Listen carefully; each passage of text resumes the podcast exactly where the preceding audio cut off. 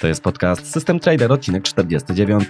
A dziś porozmawiamy o tym, dlaczego w inwestowaniu posiadanie planu jest koniecznością oraz o tym, jak zachować się w okresach krachów giełdowych. Zaczynamy. Interesujesz się inwestowaniem na rynkach kapitałowych? Szukasz swojego sposobu na oszczędzanie i pomnażanie pieniędzy? Zastanawiasz się, jak postawić swoje pierwsze kroki na giełdzie?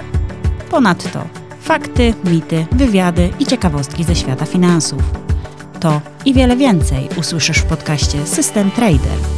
Zaprasza Jacek Lempart. Gdy przez światowe rynki finansowe przetaczał się bezlitosny walec w odpowiedzi na pandemię koronawirusa, większość ludzi zamarła w przerażającym strachu. Zaczęto pytać, co dalej? Pojawiły się opinie, że tym razem jest inaczej niż bywało w przeszłości. Świat stoi nad przepaścią jak nigdy wcześniej. Tymczasem mój dzisiejszy gość ze stoickim spokojem napisał na Twitterze: Jeśli miałeś plan inwestycyjny, ten tydzień był dla ciebie cholernie nudny. Tak jak i wszystkie inne tygodnie. Problem w tym, że wielu nie ma planu. Matt Faber, bo o nim mowa, jest współzałożycielem Cambridge Investment Management, a jego specjalizacją jest skwantyfikowane, regułowe podejście do inwestowania. Mówiąc krótko, nie stara się on przewidywać, co zrobią rynki finansowe. Wszystkie jego decyzje płyną ze strategii sprowadzonych do poziomu prostych i jednoznacznych reguł postępowania. MEP prowadzi w USA bardzo popularny podcast The Map Faber Show, jest autorem wielu publikacji i książek. Często pojawia się też w roli komentatora w zakresie strategii inwestycyjnych w ramach CNBC, The Wall Street Journal, Barron's, The New York Times czy The New Yorker. W tym wywiadzie MEB opowiada, dlaczego posiadanie planu inwestycyjnego jest tak bardzo kluczowe oraz dlaczego warto podejmować swoje decyzje w oparciu o zbiór jednoznacznych reguł. Rozmawiamy również o krachach giełdowych, inwestowaniu w spółki dywidendowe, odwiecznej wojnie pomiędzy aktywnym i pasywnym inwestowaniem oraz wielu innych praktycznych zagadnieniach. Uwaga, wywiad jest nagrany w języku angielskim, ale na stronie systemtrader.pl ukośnik 049 znajdziesz zapis mojej rozmowy z Mebem w języku polskim. Zapraszam serdecznie. Hello, Meb, and welcome to my show. Thank you so much for accepting my invitation. I'm sure that many of my listeners know you already, but just for the pure formality, could you please introduce yourself and tell us a bit about how you started your career in the investment field? Sure, great to be here. Thank you um, for the invite. Like many, I'm sure it's a, a windy road. Uh, I was I was an engineer by background, undergrad, studied biology and engineering at university, and had fully planned on a life of a scientist. Uh, my brother and father were both in the aerospace part of the world, and was was curious to follow them. But you know, like like many, I was interested in being an astronaut, like many youths, but um, but once realized there was a lot more math and, and physics involved in being an aerospace engineer than being an astronaut. And so anyway, uh, had, had, had fallen in love with biology and, and genetics.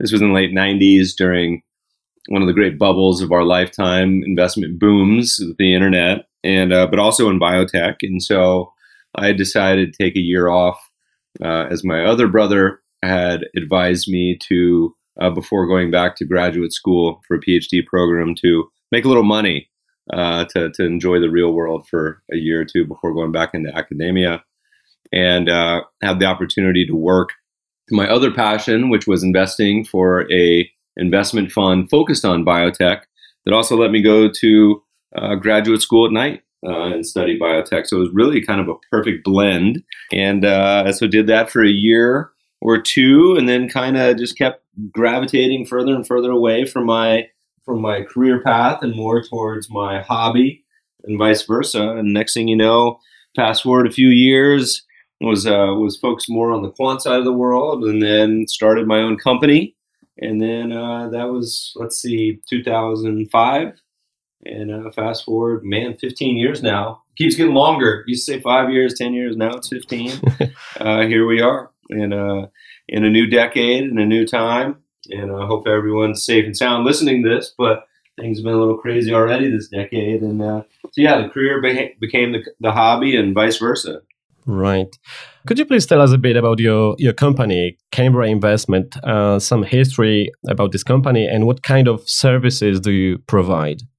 Sure. So um, we're a institutional investment manager, meaning um, we invest money for not just individuals but other institutions. You know, the goal in the beginning was really like many people, I, I imagine not quite sure what we wanted to be when we grew up. You know, started the company in my 20s. Here I am in my 40s, and um, had some ideas and philosophies about how uh, to invest money that was a little bit different, probably from from a lot of the status quo of, of, what a lot of other companies were like. And so, over the years, have evolved to where we offer 11 uh, public investment funds, ETFs, here in the U.S., and they all have sort of a common umbrella of of what uh, you you would say the similarities are, namely that um, we only launch funds that or strategies that we think don't exist or we think we could do better or cheaper.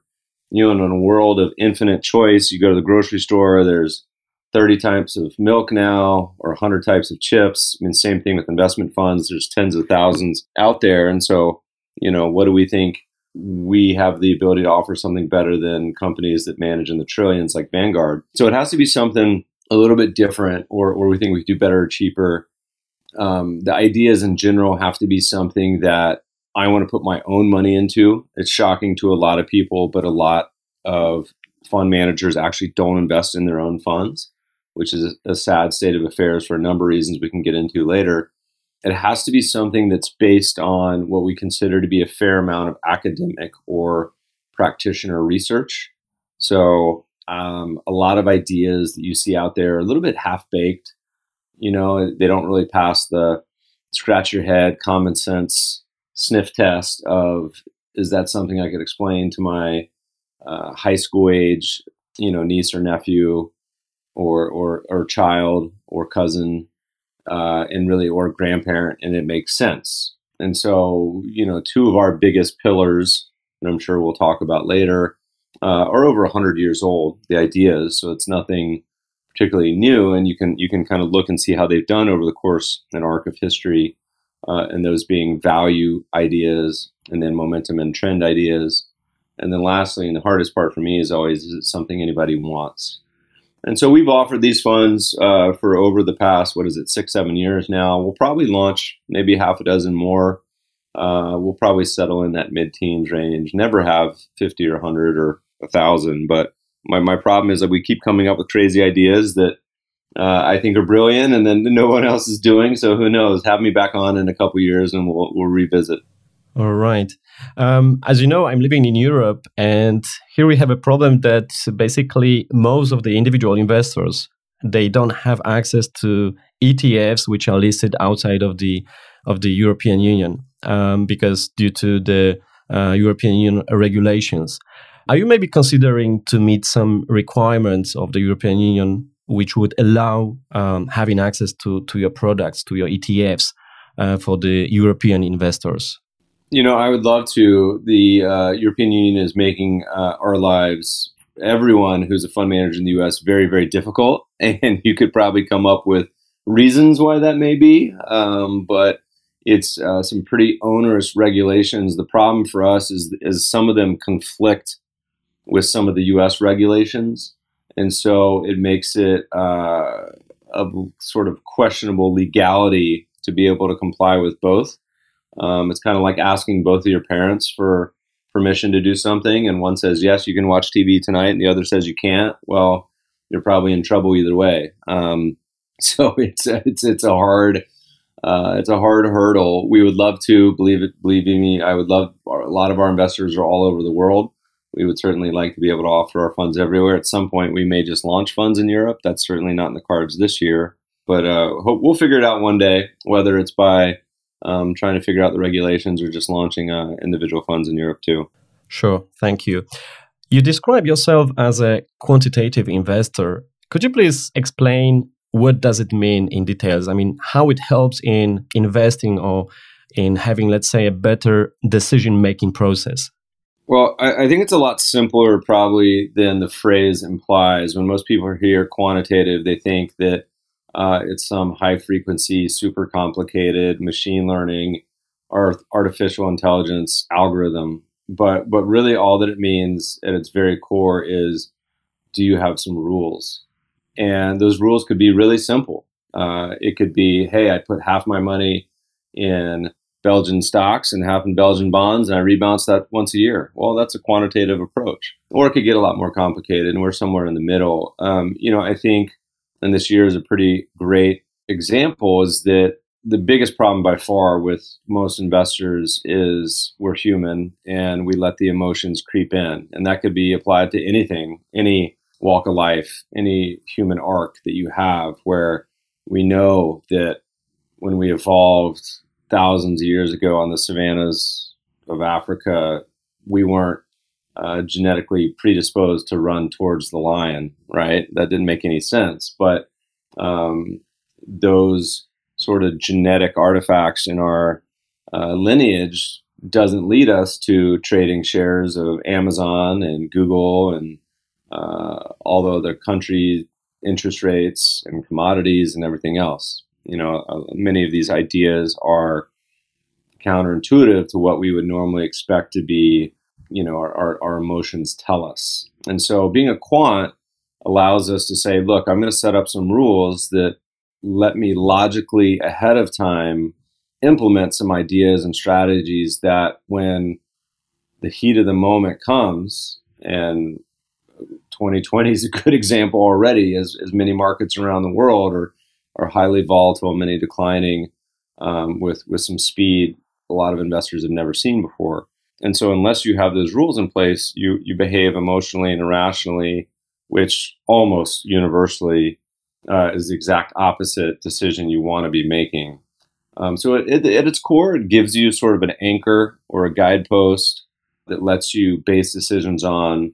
We think it's essential, not just important, but essential that investors have a written investing plan. And that doesn't just apply to institutions, but also to individuals, to advisors, and everyone in between.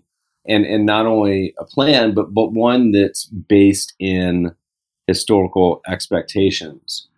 So many investors just want to extrapolate the most recent past uh, into the future to infinity. But really, to be a great investor, you have to not only study history to see what has been possible, because many, uh, if not all, markets have had extreme events on the good and bad side, but also to then to realize and take a step further and say, okay, at some point, the future will exceed those bounds and be even better or even worse than what we've seen in the past. Because we really only have uh, 200 years of probably what we consider to be um, modern capital markets, really only 50 years of modern currency markets. You can, of course, take the, the share exchanges back to the 17th century in Amsterdam, right down the road from you guys. I think was the, the first global stock market, but people were even trading uh, futures in Japan prior to that. So history helps to have a guide. And then once you have sort of expectations, you can put into practice some rules, at which point it makes you, I think, a, a lot better investor. And you can take advantage of opportunity when other people were freaking out and losing their minds. And, and again, I, I would like to stress throughout this conversation, it's not just individuals uh, a lot of institutions like to look down and say these, you know, these irrational, human, crazy people. But believe me, many of the institutions are just as bad. Whether you manage a thousand uh, euros, uh, a million, a billion, uh, or more. Right. But do you think that investing is more an art or it's a science, or maybe in between? You know, I think it's seductive as a quant or a numbers person or an engineer to want to try to make it as exact and precise as possible. Universally, some of the worst investors I've ever met, we have over 40,000 investors. Universally, some of the worst are the smartest people in other professions doctors, engineers. Uh, and because they're so smart, they just assume that their uh, knowledge extrapolates into another field of investing. But also, you got to remember, investing is like playing poker. You know, it's not an exact or blackjack. I guess both both are good analogies for different reasons, but you know, it's it's not an exact science that if you have a valuation model that says a stock's undervalued, well, the world doesn't have to agree with you. One, and two, the world can change. And the hardest part, and I think mistake almost everyone makes, is they care more about predicting the future and being right than about making money. And so, um, you know, some of the best, most intelligent quants in the world that have been Nobel laureates, that have managed billions of dollars, have blown up funds that, you know, have gone to zero. So hubris, of course, being one of the worst emotions in, in the investing world. So I, I, you know, there's a blend of both. I, I don't know if I can make an argument. I could make the argument probably either way, but uh, depending how you define either, I think there's there's a a natural balance that is somewhere in the middle. Right, I understand. Um, I see that you mostly are focused on, let's say, the macro view, rarely describing any single uh, stocks. Do you think that stock picking as such is just too difficult to do so, or maybe it's not even worth to do it, or maybe there are some other reasons why you're not so focused on single stocks, but you rather look broadly on the market? I absolutely believe that um, people can pick individual stocks. Now, I tend to agree more with Warren Buffett and Charlie Munger. Charlie's right, right down the road from me here in Los Angeles. You know, where people ask him for advice, and he says, "Look, if you know if you're a young person investing or, or, or looking into investing in general, he says uh, you should go where the fish are. You know, if you're a fisherman, and not go fishing where there's a thousand other fishermen in one pond, but go to the pond or the river where no one is. And what that means to me and translates to is look, if you're trying to divine that you have a better discounted cash flow model for Apple than all the other top investment banks in the world, and it's a trillion dollar company, good luck with that.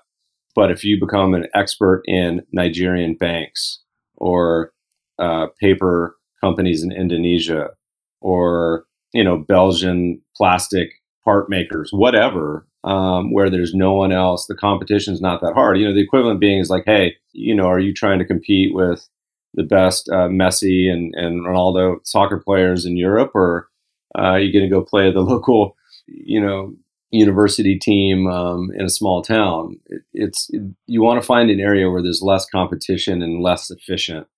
And at the end of the day, you have to have either better data so you have a model that's better than someone else's, or you have insights that is better, or you have to have different data that no one else has. So have you talked to, say, that Nigerian um, company's suppliers and uh, employees and the CFO and understand, uh, you know, hey, they have this relationship with the government that's not baked in. So I think there's fully, absolutely opportunity to be a security analyst in any asset and to become an expert I think the bigger challenge is for many people is do you have an edge?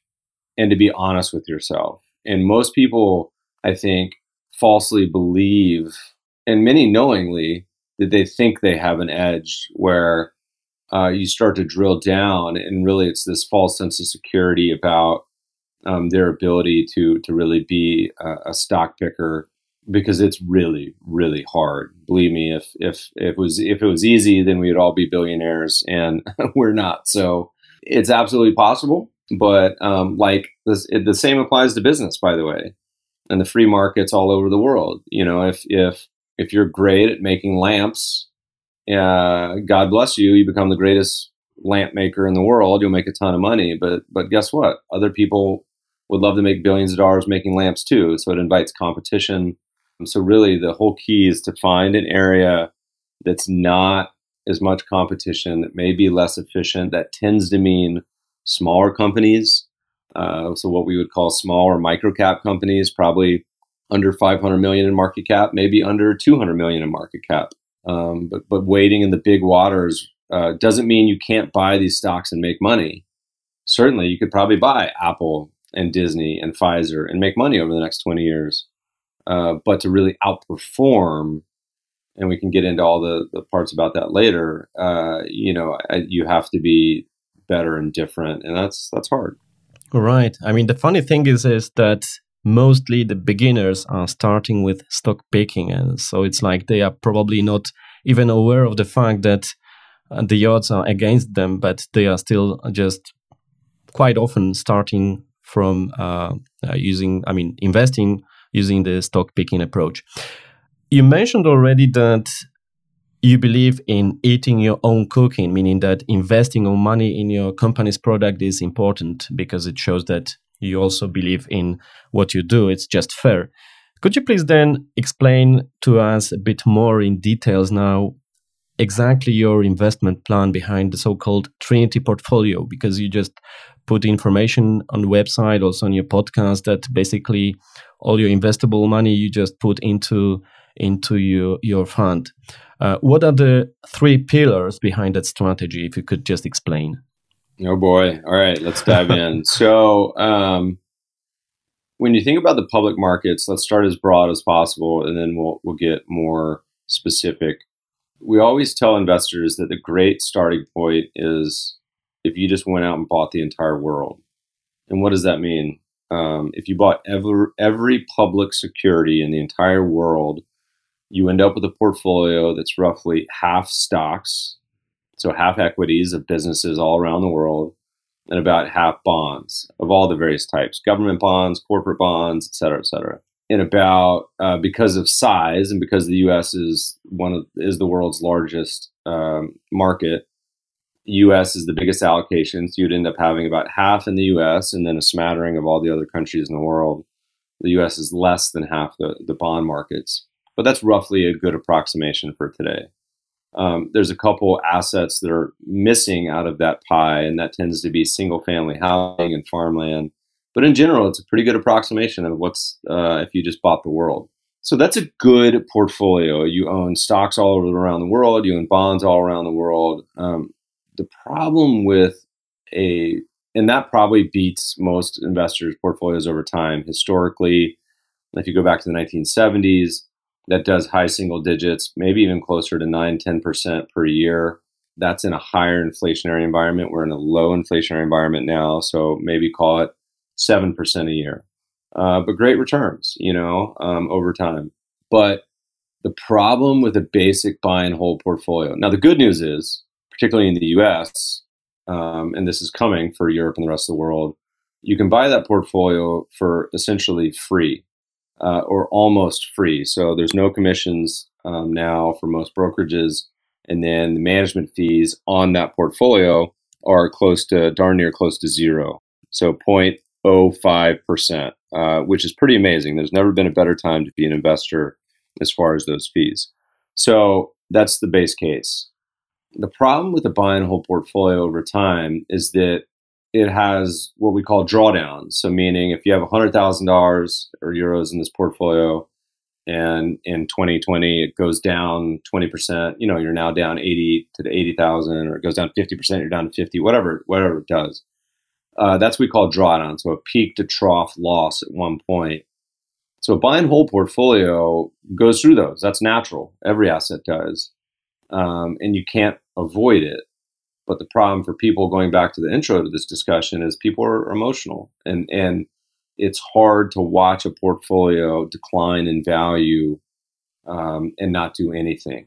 People feel, you know, in any other endeavor in the world, you could work harder, you can intervene and do something. With investing, uh, you just got to kind of sit on your hands. And, and to be a good investor, you have to be a good loser because markets spend over two thirds of the time in some form of drawdown but um, that's the that's the toll or that's the price you have to pay to have the good returns uh, over time. So the problem with buy and hold, and people are learning this, particularly the younger cohort this year, is that it often coincides with bad uh, the same. It's happening at the same time as as bad economies or bad geopolitical events. So it all happens at once. So it'd be it'd be one thing if your portfolio goes down, but you have a great job and the world's uh, all all all great. That's another thing if if the portfolio goes down at the same time a pandemic is occurring and you lost your job and you have no money. It all happens at once. So it, it's what we would call a, a kind of double correlation where you're adding risk rather than diversifying or or um, you know, really um, uh, having a situation that that helps rather than hurts. So that's one. You know, and and the buy and hold allocation actually doesn't matter that much. You know, people spend ninety percent of their time thinking Is gold expensive? Is should I have this much money in bonds or this much? What about stocks? Is it time to get in? Is it time to sell? What about say? What about commodities? Is oil cheap at twenty dollars a barrel? Is it you know all these things that people spend time on? And we wrote a book called Global Asset Allocation where we looked at like twenty very famous asset allocation strategies of the most famous gurus that manage trillions of dollars. Everyone from Dave Swensen, who manages the Yale Endowment, to Rob Arnott, to Warren Buffett, to Mohamed El-Erian, all these people uh, have recommended at some point an asset allocation, and they're very, very different. So Buffett famously says, "Look, when I pass away, put 90% in the S&P and 10% in bonds, and that's it." Other people say, "No, no, you want 25% in gold and only 25% in stocks." And other people say, "No, you shouldn't have anything in gold." So they're hugely different asset allocations. Well, the surprising part is, over time, at least, it really doesn't matter you know, we looked at most of these asset allocations, and over the past 50 years, the returns over time cluster within around a percentage point of each other, which is astonishing. Now they take a little bit zigzag paths to get there, but if you're a long term investor, it really didn't matter that much. But what did matter was how much you paid in fees. So if you paid, you know, the average mutual fund price in the US is 1.25%. And remember, I just said that you could invest in a portfolio of ETFs and low cost funds for darn near zero today. Well, the spread in performance between the best performing asset allocation and the worst was less than the spread of how much you would pay in that mutual fund. And so people focusing on um, something really boring like fees and taxes is actually more important than the actual asset allocation. So that's a great base case. You do a global asset allocation, you get three of the main ingredients stocks, bonds, real assets, and real assets, you know, is like real estate, commodities, um, tips, which are treasury inflation protected securities. You have a little bit of all those, and and again, you can't have just all your money in Belgian stocks and Belgian bonds. It's got to be global. Once you have that recipe, doesn't matter if you have 20 or 30% of stocks. Doesn't matter if you have 50 or 40 or 30% in bonds. As long as you have some of each, you should do okay over time. But more importantly, you should pay very, very little in fees. I'll pause there. Right. And the great thing is also that now you can do it just buying one ETF like TRTY and basically you're covered. I mean, you have everything, you have all this, I mean, mm, all these uh, assets under single ETF. So that's really how easy it's now to invest in the 21st century. Yeah, and so in the departure, so that's what we call the global market portfolio. So we have an ETF that does that. It's called GAA, and it it does some tilts that we can talk about later to value and momentum. But it gives you this nice balanced global portfolio across all asset classes. But it has some of the problems that I mentioned earlier, which are, you know, it tends to decline when uh, markets in general are declining, and so there's another investment philosophy, which is what we call trend following and trend following, you know, also goes back over 100 years, the time of Charles Dow starting the Wall Street Journal, and, and probably way before that. But it's basically an investment approach that says at its core, you want to be investing in markets that are going up and not in ones that are going down. Sounds simple enough and a lot harder to implement in the real world. Um, but there's a lot of very simple indicators and algorithms you can use to, to basically say, is this market uh, in general going up or is it in general going down? I mean, a simple one would be is the market up over the past year? Is it down over the past year? Is it above a long term average or is it below? Um, and basically, what you're trying to tease out is uh, the signal from the noise, and you want to avoid the really, really long, deep bear markets. So you're not going to miss the ones that are down 20, 10 or maybe even down 20. You want to miss the ones that are down 50, down 80, down 90 and people were probably shaking their head listening to this and saying, well, my God, what markets go down 50, 80, 90? Well, almost all of them do at some point in time. If you look at oil right now, you look at a lot of uh, country stock markets are, are, down that much. So a trend following approach simply says, hey, look, um, and we'll use US stocks for an example. You know, if it's up, going up, you want to be in. And when it rolls over, when it goes below a long-term moving average your signal tells you to get out, you simply sell it and you sit in cash or bonds or whatever your safe asset is uh, until it gives you a, a, buy signal again. And in general, historically speaking, trend following gives you roughly the same returns as a buy and hold allocation, but with lower volatility and lower drawdowns. And more importantly, it does it in a way that's not as correlated to a buy and hold portfolio. And so you could take all the assets that are in your buy and hold portfolio and say, look, I'm going to apply my trend following approach to each one. So I'm going to apply it to US stocks and also to foreign stocks and real estate and commodities. I'm only going to be investing these when they're above their long term trend. And trend following suffers from a lot of other problems. You know, if markets are going sideways or oscillating, you tend to get a lot of false signals or what we call whipsaws, and that kind of is a cost over time. You're never going to pick the top or the bottom, but really you want the meat of a move. The bigger problem with trend following and um, is you end up looking different. So you look different than your neighbors, you look different than the institutions. In a year, perhaps last year, where U.S. stocks romped up 30%, you know, you're probably going to underperform.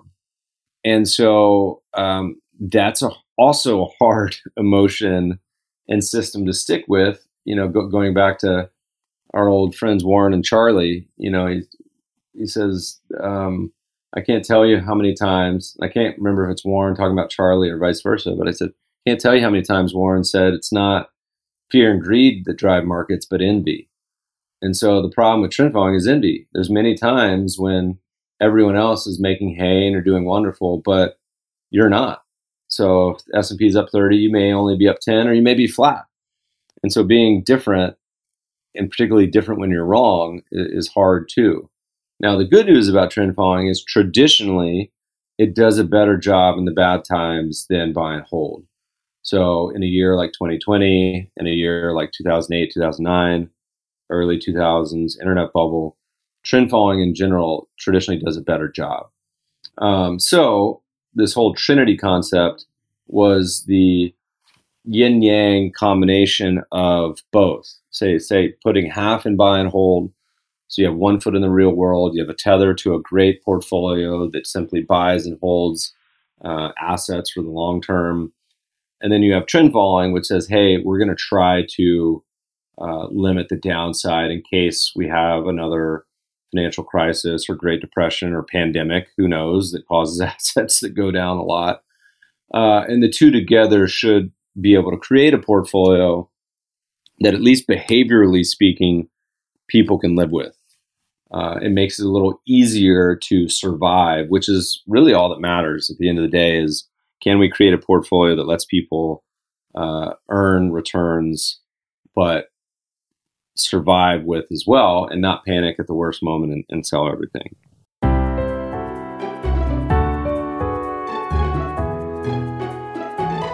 So basically, if someone is really dedicated to investing, just buying such fund is exactly enough what such person needs if only that person is able to stick uh, with it. But let's say that we have a person which is trying to let's say do it on its own and is trying to as we mentioned already uh, do the stock picking. And you mentioned on your in your books on your podcast and your on your website multiple times about the yield investing and dividend investing and you dedicated quite a lot of materials on that topic, especially in the context of taxes. So, my question is what do you think about dividend investing? Is it a good strategy which you could recommend, or it's just a kind of, uh, let's say, a different flavor of value investing? I'm going to channel John Bogle, the founder of Vanguard, who recently passed away, where he said, "Look, you know, he was talking about index investing, but but it's irrelevant." But he said, someone asked him about it and he said, you know, are there better investing approaches? Probably. He's like, this one works for me, but are are there worse ones? He's like, there's infinite worse. And so I'm of the belief that there's a lot of ways to invest just fine. We just did a four part series on our blog called the Get Rich Portfolio, the Stay Rich Portfolio, how I invest my own money, and then investing in a time of Corona. Um, and again, those are free on, on my blog. And I, I neglected to mention that book earlier, most of our books are also free on my blog and website. Um, and so let's say you told me, hey, Meb, I'm just going to buy a basket of stocks, put money in each year, 10 stocks I like, hold them for the long term. Like, that's fine. Maybe you said, no, I have 80% of my money in short term cash and bonds because I'm super risk averse and uh, 10% in real estate and 10% in stocks. Like whatever works for you, whatever lets you sleep at night is most important. So when you're talking about strategies, there, there's opinions I have that are clearly very opinionated. Um, there's others where I'm like, it doesn't really matter. I'm not super strong opinion. Dividends fall under that category of to me, is it a nonsensical investing strategy? Yes. Is it okay? Is it fine if people do it? Also, yes. Um, I don't like strategies that don't really check the common sense um, box for me. And let me explain. So, if you're a company and you're a public stock, there's really only five things you can do with your money, and that's it. You can reinvest in the business, which is what most people think when they think about companies launch new products do r&d build new buildings hire new people. It's all the sexy part about operationally running a company. Uh, you could also pay down debt to the extent you have any. You could go acquire another company. That's the third one. Or you could buy back stock if you have cash or you could pay a dividend. And that's it. Those are the only five things you can do. Everything falls under one of those five things.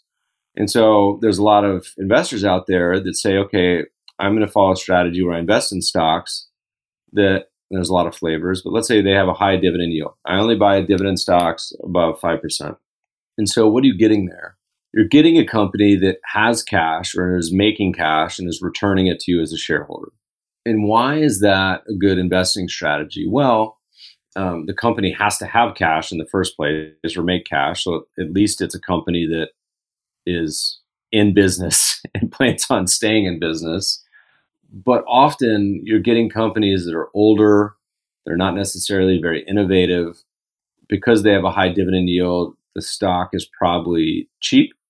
So, on average in history, dividend stocks traded about a 20% discount to the broad market as far as valuations. Now, they tend to be a little higher leveraged, so they, they have more debt than a normal company does. Um, and that's it. You have no other characteristics. So really all you're getting is kind of a value tilt for a junky older company. Now, historically, that does outperform broad market cap weighted indexes by about a couple percent a year over time.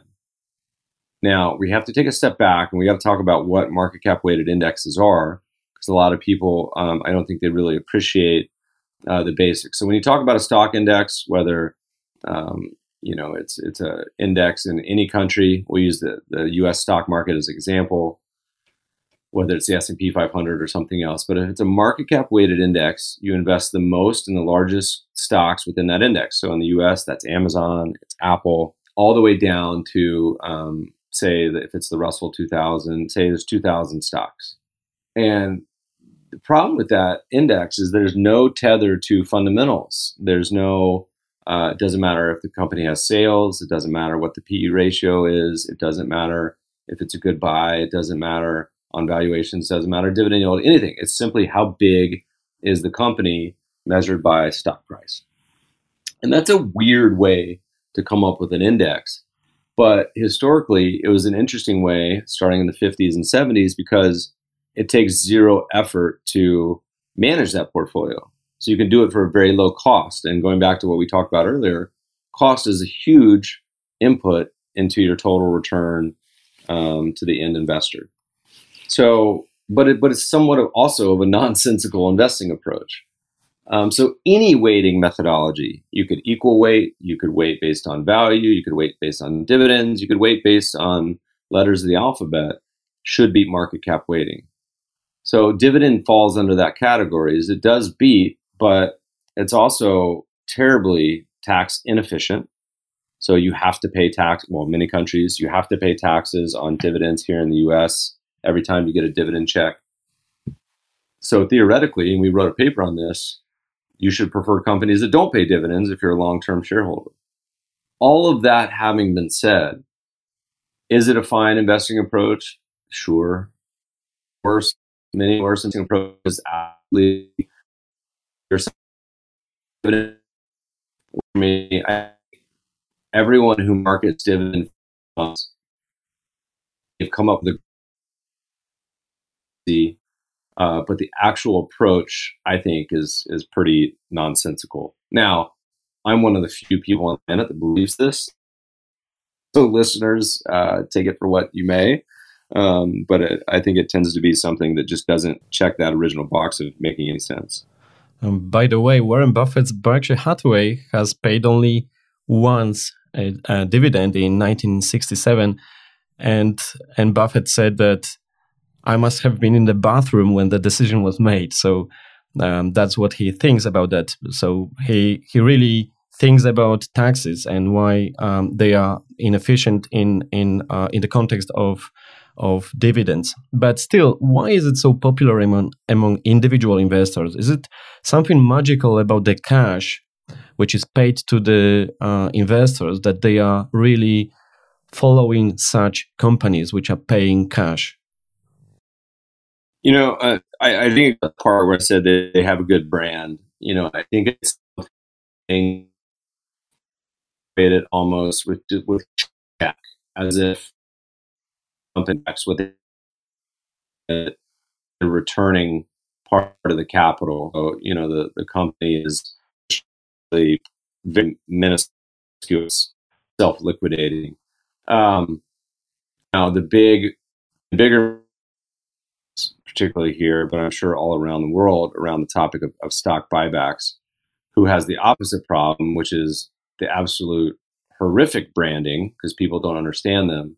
Um, a better phrase for stock buybacks would be called tax efficient dividends, tax efficient flexible dividends. And um, the problem is, is that uh, people just don't understand what they are, and and it's a mathematical fact that if taxed at the same rate, and if the stock is trading at its intrinsic value, a buyback and a dividend is the exact same thing. And you can't argue that. I mean, that's just a, a mathematical proof. And so, why do people get so upset and inflamed about stock buybacks? Um, it's a good question. You know, I think they think that um, they correlate stock buybacks with executive compensation, and really they're two different issues. Executive compensation is a board issue, how much you decide to pay executives. If you're paying them $100 million, that's on you. I mean, that's the board. That has nothing to do with buybacks. Now, if they tie them to buybacks, again, that's a stupid decision by the board. Um, and it has nothing to do with actual the the tool, the hammer, which would would be buybacks. Um, but Buffett gets it. You know, as you mentioned, he's never paid a dividend in the last what is that sixty years. But you know what he does do is he buys back stock. Now he's smart about it so he's not just buying back stock at any time. It's foolish to buy back stock of a company that's expensive. And Buffett sets a very basic uh, metric for valuation. I think he says we'll buy back Berkshire stock when it trades below 1.3 times book. And I think he's it might might even be less now. I think it's trading around one times book now. It's around one. So he yeah, so he may be putting money to work this quarter as as the the markets are in, in turmoil. Um, but he said, you know, there's no better use for a company's cash if its stock is trading far below intrinsic value than, than stock buybacks. So he gets it. Um, and then Charlie Munger's partner talks about, you know, you want to buy the cannibals, you want to buy the companies that are reducing their share count. And the flip side of this coin is also issuing shares. So all three of those combine into an equation where you want companies that are returning this cash as, as opposed to issuing shares, et cetera, the branding and the descriptions and pol- believe me, no one gets it more wrong than, than the politicians do. But politicians are going to be politicians the world around. Uh, you know, they like a good soundbite and boogeyman, but um, but in general, the whole key that we're looking for here is the word value. Doesn't matter if it's dividends or buybacks. Like you can buy a company with a seven percent dividend that is really expensive valuation, and that's really foolish you could buy a company that's an expensive valuation that's buying back tons of stock. Also foolish. The whole key is you want to use valuation as your uh, core, as your foundation, and then be able to sprinkle on everything else around it. So having that value approach is is really the the main compass versus uh, all these other sort of levers you can pull. I have last question in the context of dividend investing, namely the interest rates, which cannot be any lower now. How a rising rates environment affects such kind of investing, I mean dividend investing, because for the last four decades, these interest rates have been going down, but now we reach the floor. So what next in the context of dividend investing? Is it somehow impacted? Traditionally, throughout history, di- high dividend yielding stocks do not fare well in a rising rate environment, which we haven't had in a long time. So uh, we may never have again. They may just keep going to zero, minus one, minus two, minus four. Who knows? Um, but if you're trying to hedge against a potential inflationary environment, dividend high dividend yielders may not be the best place to be. Uh, but you know, uh, who knows? Um, it's hard to say. But but traditionally, that's been a uh, they've delivered negative outperformance in, in times of rising interest rates. Right. I'd like to ask you a few questions about the COVID 19 because um, now investing is quite, let's say, interesting for many people because the, the markets are really very volatile. So let's talk about investing in the time of coronavirus or market crash in general and why we need a plan when investing. Because first of all many people are asking now what to do. Is it is this time different? Because we have never had such case before. Can any investor prepare for these anomalies, or are they truly, let's say, black swans that cannot be just managed? Because, for example, Benoit Mandelbrot, uh, by the way, it's a Polish born French and American mathematician, he coined the term volatility clustering, referring to the observation that large changes tend to be followed by large changes of either sign. So, how do you see what happens now in the context of coronavirus? What now? What to do? And is there any common denominator, let's say, for all market crashes? Sure. So the common denominator is price prices going down, um, and I say that only half jokingly. Um, you know, I think it's seductive for most people to get in the business of predicting what the next crisis will be um, and in reality, most crises are obvious in retrospect. You know, you you can look back in the arc of history for the 20th century, and my God, you have everything. You have wars, you have uh, pandemics. I mean, Spanish flu. You know, and and, and a war in the same year. Uh, you have interest rate regimes of inflation and disinflation. You have almost anything you possibly come up with, with the exception of aliens invading. And maybe they did, we just don't know it. I don't know. So uh, the normal state of affairs is disarray. And borders have changed, currencies have changed, alliances have changed. All of that will continue. Despite that, a global portfolio has done fantastic. Uh, the key, of course, is you don't want to concentrate in any one market. That's a recipe for the poorhouse. Uh, and this is a concept we talk about that afflicts every country in the world. If you're an American investor, you put most of your money in American stocks and bonds. If you're Belgian, you do the same. If you're Japanese, you do it. If you're Australian, you put most in Australian markets. And that's a really foolish decision. It's called home country bias, and it happens everywhere. And it's just a needless concentration when in reality you should be diversifying across the whole world. And a good example is if you look at my favorite investing book, Triumph of the Optimist, it looks at all these investing markets back to 1900. And you find that the, some countries did fantastic, like the US. Uh, some countries did very poor over the period. So for stocks, for example, Austria had basically no return. Russia and China shut down altogether. You lost all your money, 1917 and 1949. Same thing with interest rates. Some countries had hyperinflation and their bond markets went to zero. You lost all your money. So having an average or diversified exposure makes a lot of sense uh, to, to combat the, the bad times. But the bad times are normal. We like to say normal market returns are extreme. That's true of yearly basis. That's true of daily basis. So people freaking out this year about these big returns. And yesterday, Uh, we're recording this. The U.S. market printed like an up 10% day.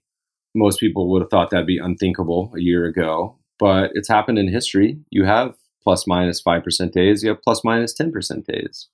It's rare, but it's quote normal. So it's happened in history. And sometimes you even have a minus 20 or plus 20% day. Um, so you have to prepare for that possibility. Now, they tend to happen during crisis. So you have both really big down and up days, which is the volatility clustering you referred to. Um, and that's usually just because people are freaking out. That's the technical term. Um, you know, they're emotional, they don't know what to do. Uh, the world is in flux, they're losing money. And so markets are gyrating and it's really confusing. So um, those often happen during downtrends. So one of the reasons trend following works traditionally is that uh, it tends to avoid those periods. And if you avoid the the big volatility, what we like to call volatility gremlins, you can hopefully compound at a higher rate. But in general, it's it's a normal feature of markets. Uh, it doesn't make it any easier, but it also creates opportunity. You know, going back to what we talked about earlier, where if you're an investor that is logical and rules based, you can take advantage of other people acting bananas crazy. But once you have that expectation, understanding, and, and studied history, you realize these really bad events occur, and it's just the normal nature of human beings to have to experience these. And, and usually, uh, markets end up playing out where they're really volatile in those periods. So, when the stock market pukes, like now with COVID 19, is there any, let's say, best hedge against such case, which could protect us from uh, from such events? Yeah. So traditionally, if you're a stock investor anywhere, other stocks aren't going to help. So if you put your money in Belgian stocks, British stocks, you, uh, American stocks, investing in Japanese or Australian, it usually doesn't help at all because they're stocks and they tend to move together. They're correlated. Um, real estate doesn't traditionally help that much commodities, particularly the energy based ones, don't help. Particularly, really, really don't help this year. What does help? Uh, bonds often help. They don't help a lot because they're usually not. Stocks are a lot more volatile, so you need a lot more bonds to counteract that. Gold often helps, but not always.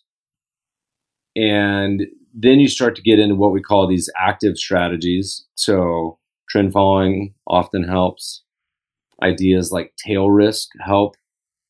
Tail risk is what I put under the category of insurance, much like you would buy a house or car or life insurance. You know, it's it's usually a net cost, so it's not a great investment, but as a part of an entire portfolio, it can be because uh, it helps protect in the really bad times like this year. And when I say tail insurance, I mean something like simply is buying options puts on the stock market, the bet on the stock market to go down, uh, can be a totally reasonable exposure. But um, the the struggle with that is that it it's rare by definition. You normally don't see markets decline as fast and as furiously as they have from all time highs as they have this year. That's a, that's pretty rare, and so the the tail risk sort of portfolio, you could have a decade of it being a cost and how many people can sit through that. You know, we, we haven't talked much about this, but any investing approach, whether it's an asset class or an exposure, or you hire a portfolio manager or active manager or tail risk, it can easily go 10 years, 20 years underperforming. You know, we say um, recently in the US that one of the most widely held beliefs almost universal is that stocks outperform bonds. Um, and we have evidence of that from all over history. But U.S. stocks have, well, if you exclude today, I don't know what's happening right now. the market could be up or down 20%. Check. but stocks have underperformed bonds for the last 40 years. Or not underperformed, they've had equal performance. That's a pretty long period to uh, have a belief system not play out. And so, what do most people do? They look in terms of days and weeks and months and quarters, even year or two, three, if they're really long term. And we used to tell people if they're examining any asset class or portfolio manager, we used to say they need to give them 10 years. Now I say 20. And most people laugh and I say, I'm serious. If you're not willing to allocate to this strategy, asset class, or manager for 20 years, you're wasting your time. Right. That's that's sort of self-selects our investors because most people don't want that. They want the outperformance. They want it now. They're like a toddler. I have a three-year-old. You know, he wants it right now. He wants his cookie. Everyone wants they're magically to invest in an asset class and it go up right now. But that's unfortunately not the way this works. That's not the way any of this works. By the way, today we have quite positive day. It's uh, almost three percent up. So we'll see what will happen later. How much we should allocate to a tail risk strategy? Because you mentioned that basically now it's pretty easy. I mean, if someone doesn't want to trade protective puts, put options, uh, it's just easy. We can buy such ETF for that. But how much we should allocate for such strategy? Let's take a step back real quick and say, you know, let's say you have a portfolio that has stocks largely and then bonds. You know, the first way to hedge risk is not to take it in the first place. So if if this year is stressing you out and you can't sleep uh, because you have too much in stocks, well, the simple answer is don't own so much in stocks you know, the second one was we mentioned diversify, add bonds, add gold, add uh, some other assets. The next is tilt towards value, though that's not helping this year. That's actually hurting. Um, maybe add trend following. Only then do you really get to tail risk, in my opinion.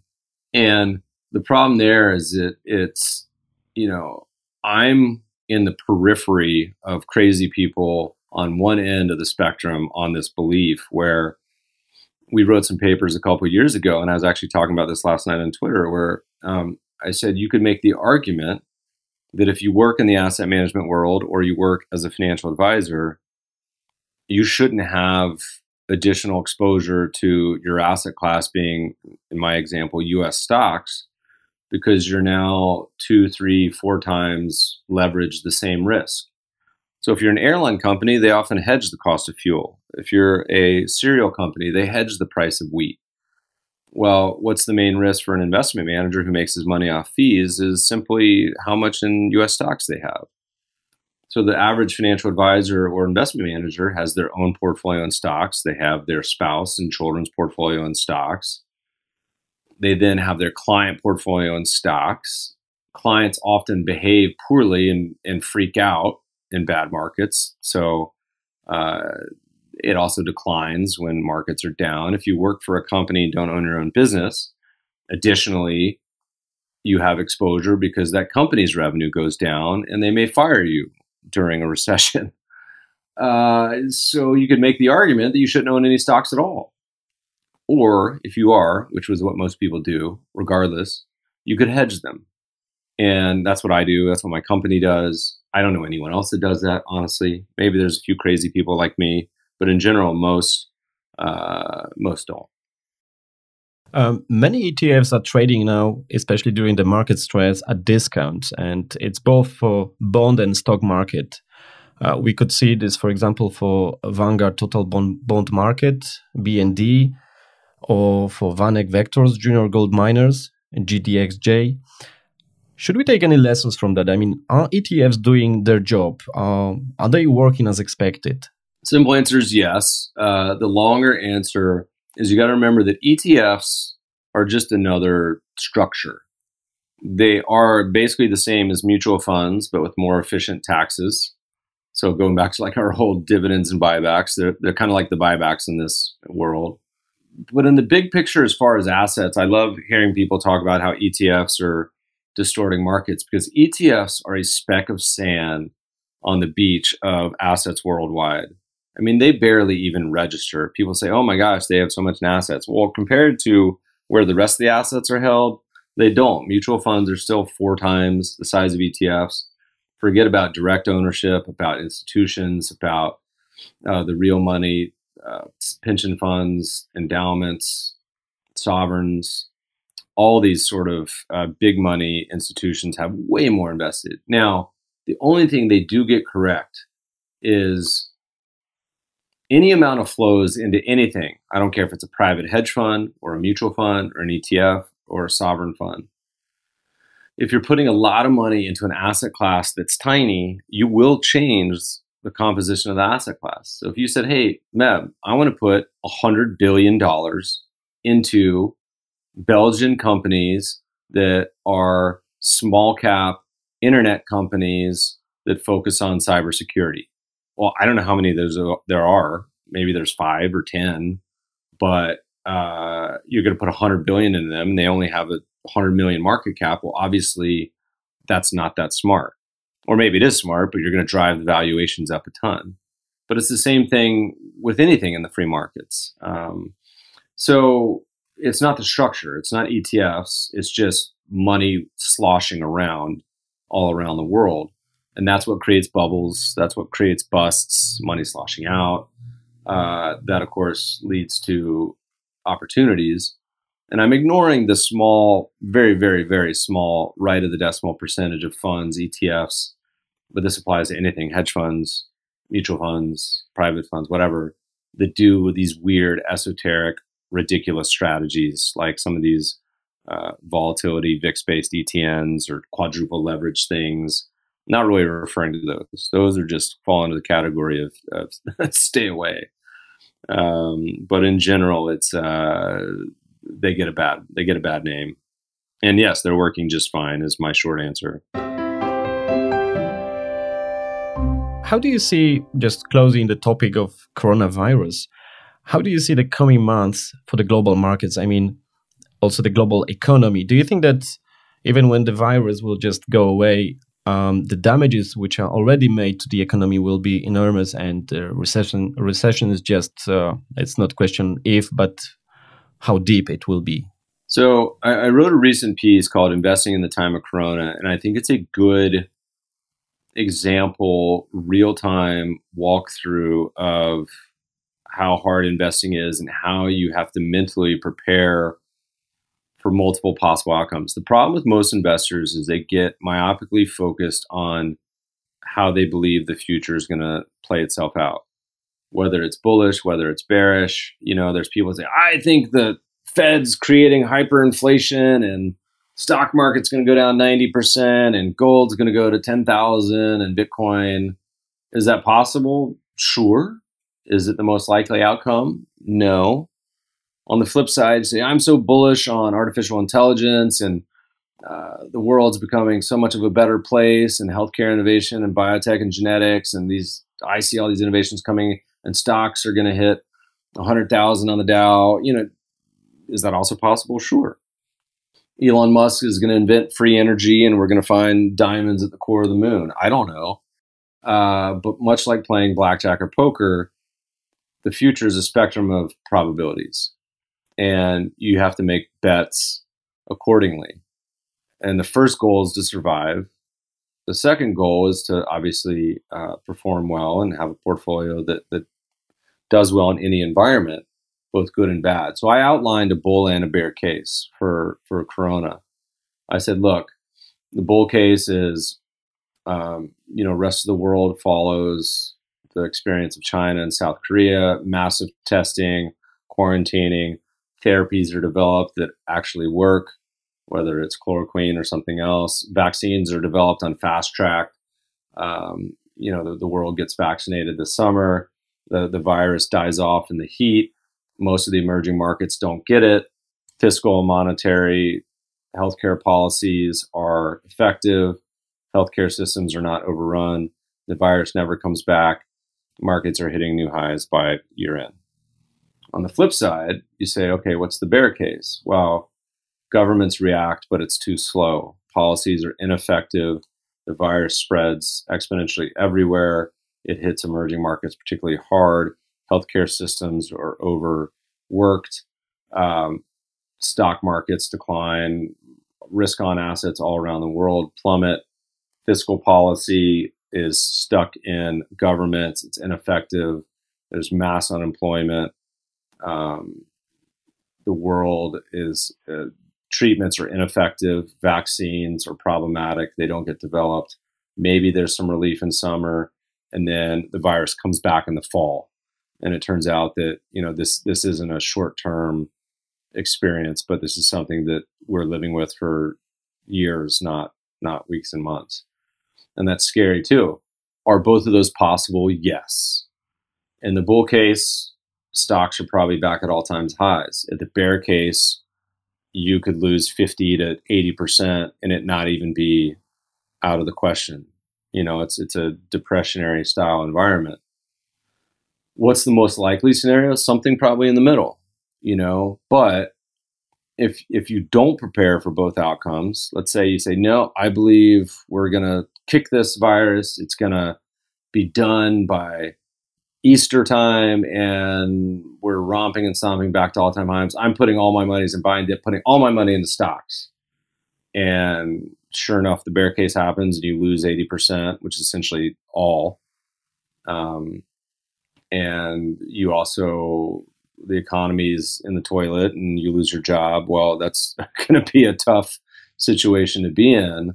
And the flip side, you say, oh my God, the world's ending. I'm moving into my bunker. I have toilet paper for six years. Uh, what am I going to do? I'm shorting the markets, taking all my money out. I'm putting it into, I don't know, Ethereum and shorting stocks and putting it into shorting, whatever it is.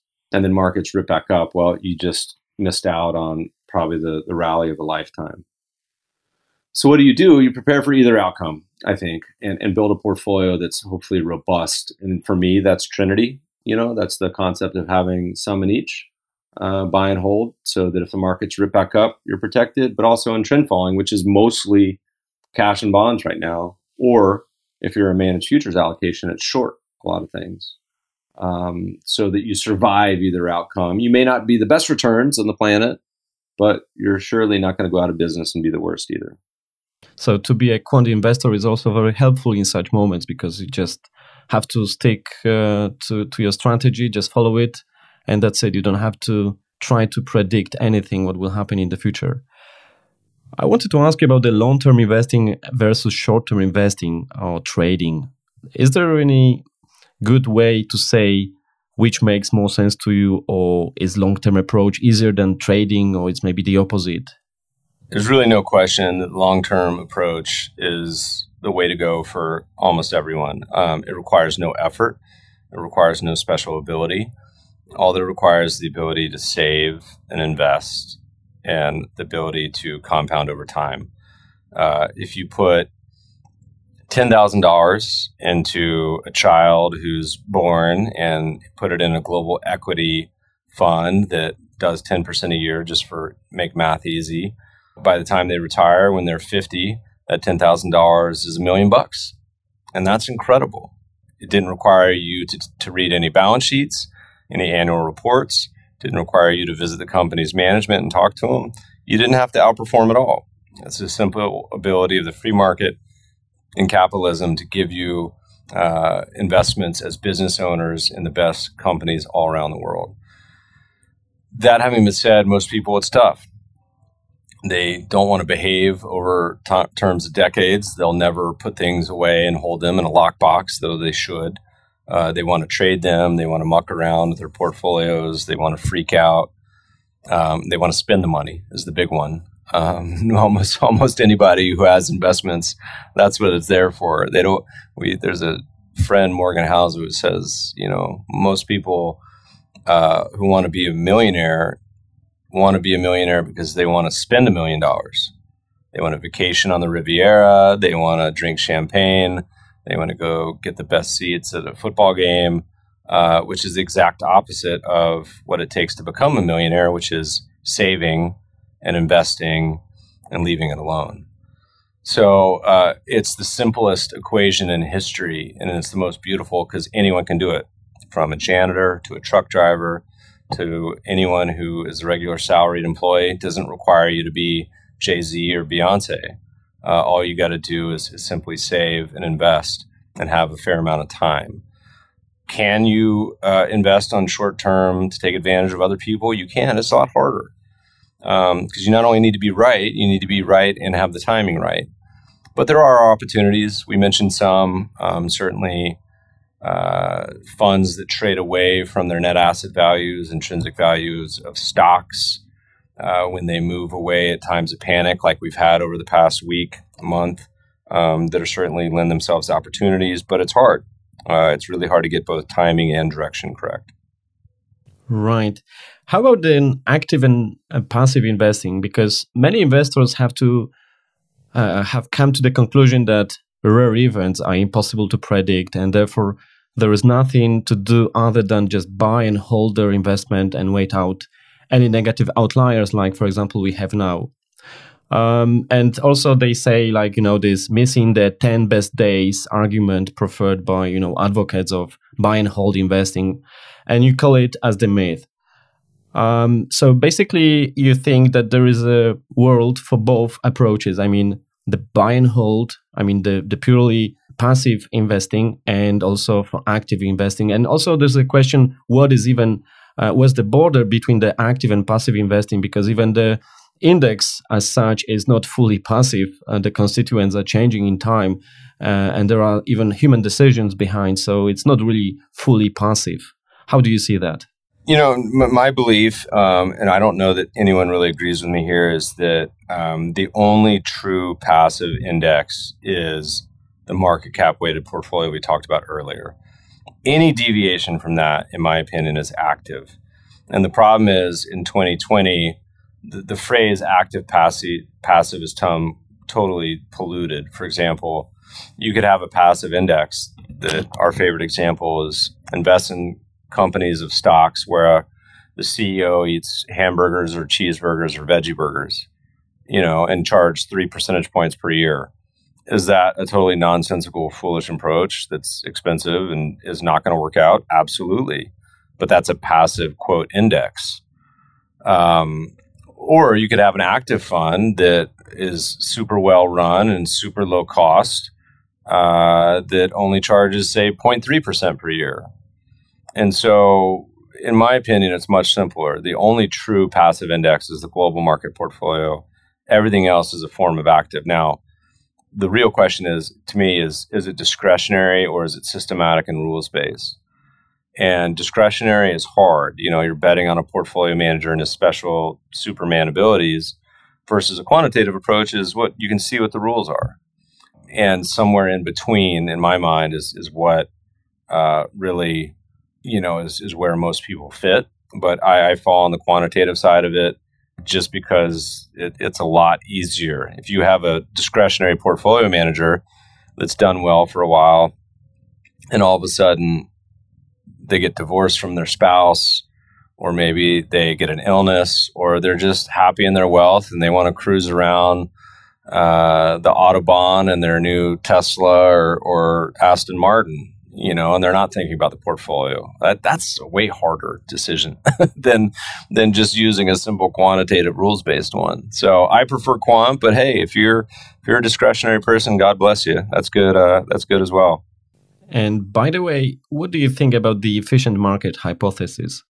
You know, I, I think markets in general are mostly efficient. You know, I, I think people people are no dummies, and so if there's money sitting out on the sidewalk, then it makes sense to go pick it up. You know, it, it if you have an advantage, most people prefer being rich to poor. And, and, to the extent you can utilize your superior knowledge or data to make that happen, I think most people would would prefer prefer having wealth than not.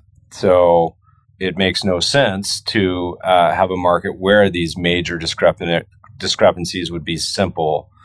That having been said, for various behavioral, structural reasons, they do occur. I just don't think they're ever easy.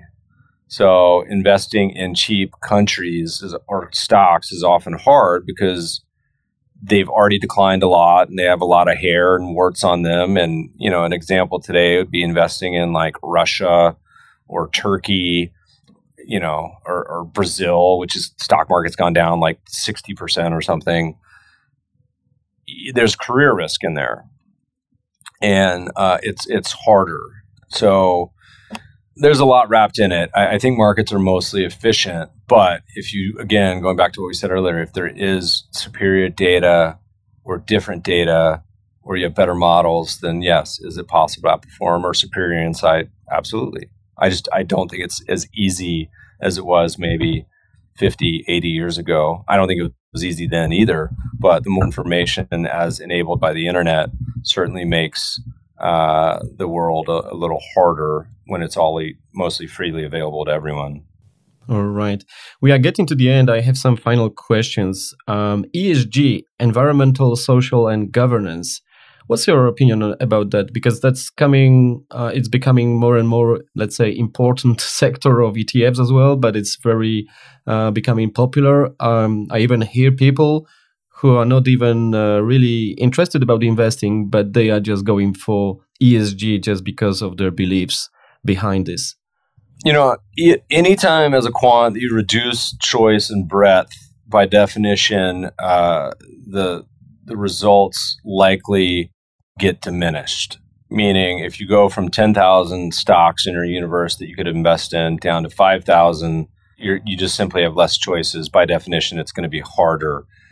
You know, that having been said, a good example is what's the most uh, best performing stock industry in history? Well, it's tobacco.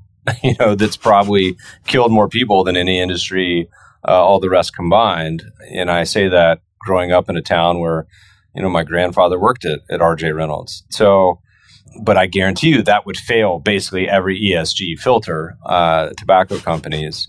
The challenge is look, do I believe that people, if they want to, should utilize ESG? Absolutely. You know, I, I don't think the best way to do it is through funds. I through it's I think it's through probably screeners or direct indexing, meaning you have an advisor or you personally can screen companies out for whatever it may be realize though that the world's a little more complicated than most people think. You know, Facebook, for example, passes all the ESG filters. Could you make an argument? And I'm not. I, I'm not getting involved. That Facebook has done probably more harm to the world than almost any other company. You could make that argument. A lot of the old school fossil fuel companies put more dollars into research about clean energy than anyone else in the world. So investing in some of these old school companies, I don't know specific examples, but whether you say like Exxon, is that which would fail many of the ESG filters? Are you actually not focused on the wrong right problem, which is enabling actually the growth of? You know, it's it's it's complicated. Am I okay that people do it? Absolutely.